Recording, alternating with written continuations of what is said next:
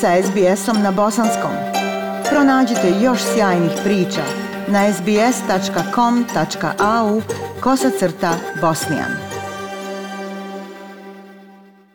Aisha, pozdrav tebi i slušateljima SBS radija. U mezarju Memorialnog centra Srebrenica Potočari upravo ove nedjelje, dakle 11. jula, u vrijeme kada se javljam, bit će ukopani posmrtni ostaci 19 žrtava genocida počinjenog 1995. godine u Srebrenici. Najmlađa žrtva koja će ove godine biti ukopana u Memorialnom centru Potočari je Azmir Osmanović koji imao svega 16 godina kada je ubijen.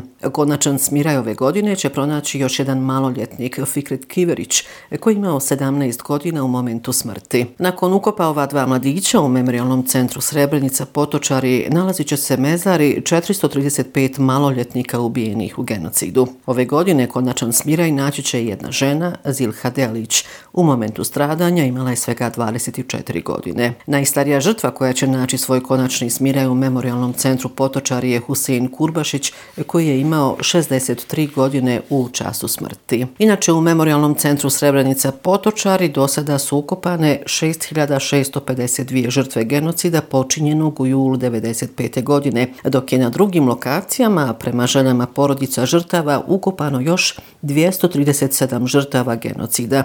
Još uvijek se traga za oko 1000 nestalih. Aisha, inače 9. jula tabuti sa posmrtnim ostacima 19 žrtava ubijenih u genocidu krenuli su iz Visokog preko Sarajeva do Potočara. Na ispraćaju u Visokom je e, govorio gradonačelnik Visokog Mirza Ganićevo. Poslušajte. Mi smo danas ovdje da dijelimo bol, jer je ona još uvijek svježa. Ovdje smo da pošaljemo poruku svijetu da genocid i zločince koji su ga počinili trebaju i moraju biti kažnjeni. Među onima koji su upravo u Visokom ispratili tužnu kolonu bio i član kolegija direktora Instituta za nestale osobe Bosne i Hercegovine Amor Mašović.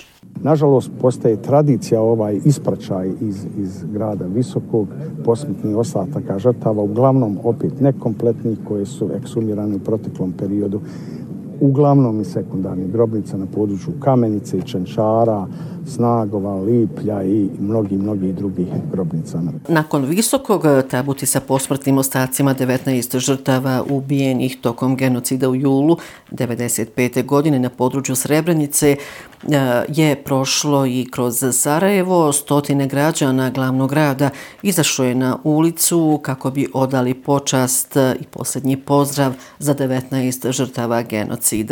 Poslušajte anketu među građanima Sarajeva. Teško, bez obzira koje god sve to je. Od 23. ošla iz Srebrenica, muž mi, brat i ostalo, ostalo, neću došla. Došla sam da odam počas ovim koji su nedužni strada. I opet se genocid negira, zar to nije genocid ubiti svaku mušku glavu u? Među brojnim građanima Sarajeva bio je i član predsjedništva Bosne i Hercegovine Šefik Džaferović koji je kazao da će se do sudnjeg dana sjećati i odavati počast žrtvama. Poslušajte Šefika Džaferovića. I svaki puta ćemo pozivati one koji to još uvijek nisu učinili da konačno krenu putem kojim ide cijeli civilizirani svijet. Porodicama žrtava genocida i žrtvama genocida se mora odavati poštovanje to treba dá rády cijeli svijet. Vijeće ministara Bosne i Hercegovine na vanrednoj sjednici sa šest glasova za i četiri protiv u dva kruga glasanja nije postiglo konsenzus u vezi sa donošenjem odluke o proglašenju 11. jula danom žalosti u Bosni i Hercegovini koje je predložilo Ministarstvo vanjskih poslova Bosne i Hercegovine. Tokom protekle sedmice u Sarajevu je boravio i podpredsjednik vlade Crne Gore Dritana Bazović. On je doputovao 8. jula u posjetu Sarajevu radi učešća na samitu o demokratiji u jugoistočnoj Evropi te održao više bilateralnih susreta sa bosansko-hercegovačkim zvaničnicima. E, sastao se sa dvojicom članova predsjedništva Bosne i Hercegovine Željkom Komšićem i Šefikom Džafarovićem, a predsjedavajući predsjedništva Bosne i Hercegovine Milorad Dodik odbio je da se susretne sa gostom iz Crne Gore. E, Dritena Bazović će 11. jula upravo prisustovati i obilježavanju 26. godišnjice genocida u Srebrenici, dakle, bit će i na komemoraciju u Potočarima. Tokom boravka u Sarajevu, Dritena Bazović se susreo i sa ministricom vanjskih poslova Bosne i Hercegovine Biserom Turković. Nakon susreta Bisera Turković i Dritena Bazović su održali pres konferenciju u Sarajevu. Bisera Turković je posebno izrazila zadovoljstvo što je Skupština Crne Gore izglasala rezoluciju o genocidu u Srebrnici. Poslušajte najprije izjavu Bisere Turković.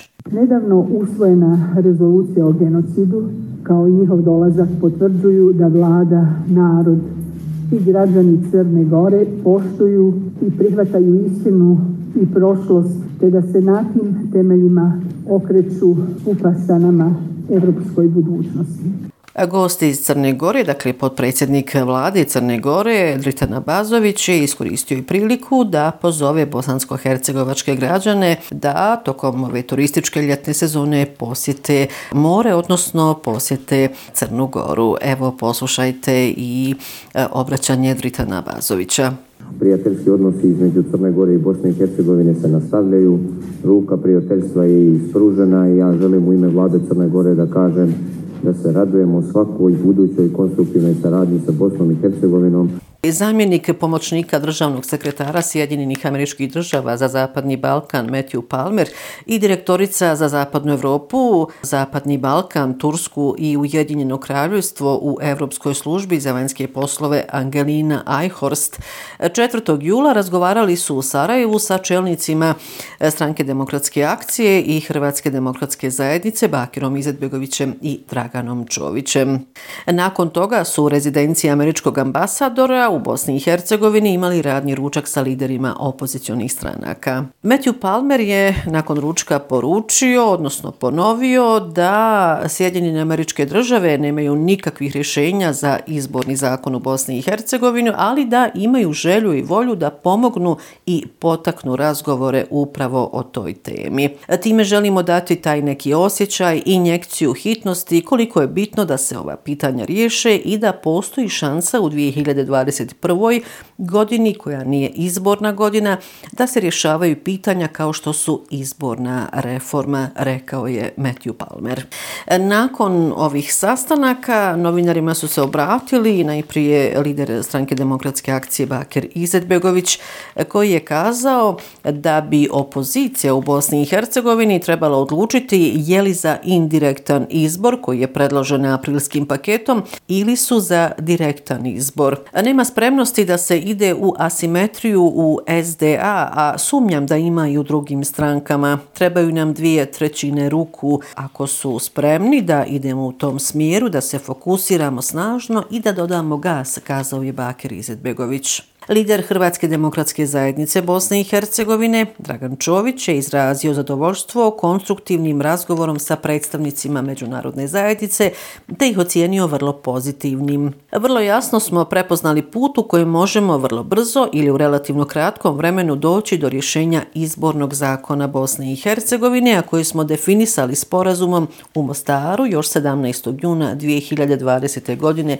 istakao je Dragan Čović. Kada je riječ o opoziciji, oni su se izjasnili, odnosno, evo, reći ću na primjer da je lider Naroda i pravde, Almedin Konaković, poručio da sastanak nije propao, ali da nije tačno ni ono što govore Izetbegović i Čović. E, također, podpredsjednica naše stranke Sabina Čudić istakla je da su Izetbegović i Čović pokušali odgovornost prebaciti na opoziciju. Nečuvena je politička praksa da šefovi izvršne vlasti koji obnašaju najviše pozicije i drže poluge vlasti na svim nivoima prebacuju odgovornost na opoziciju i stvaraju pritisak, kazala je podpredsjednica naše stranke Sabina Čudić. A iša moram reći da je protekla sedmica u Bosni i Hercegovini bila zaista pakljena kada je riječ o temperaturama.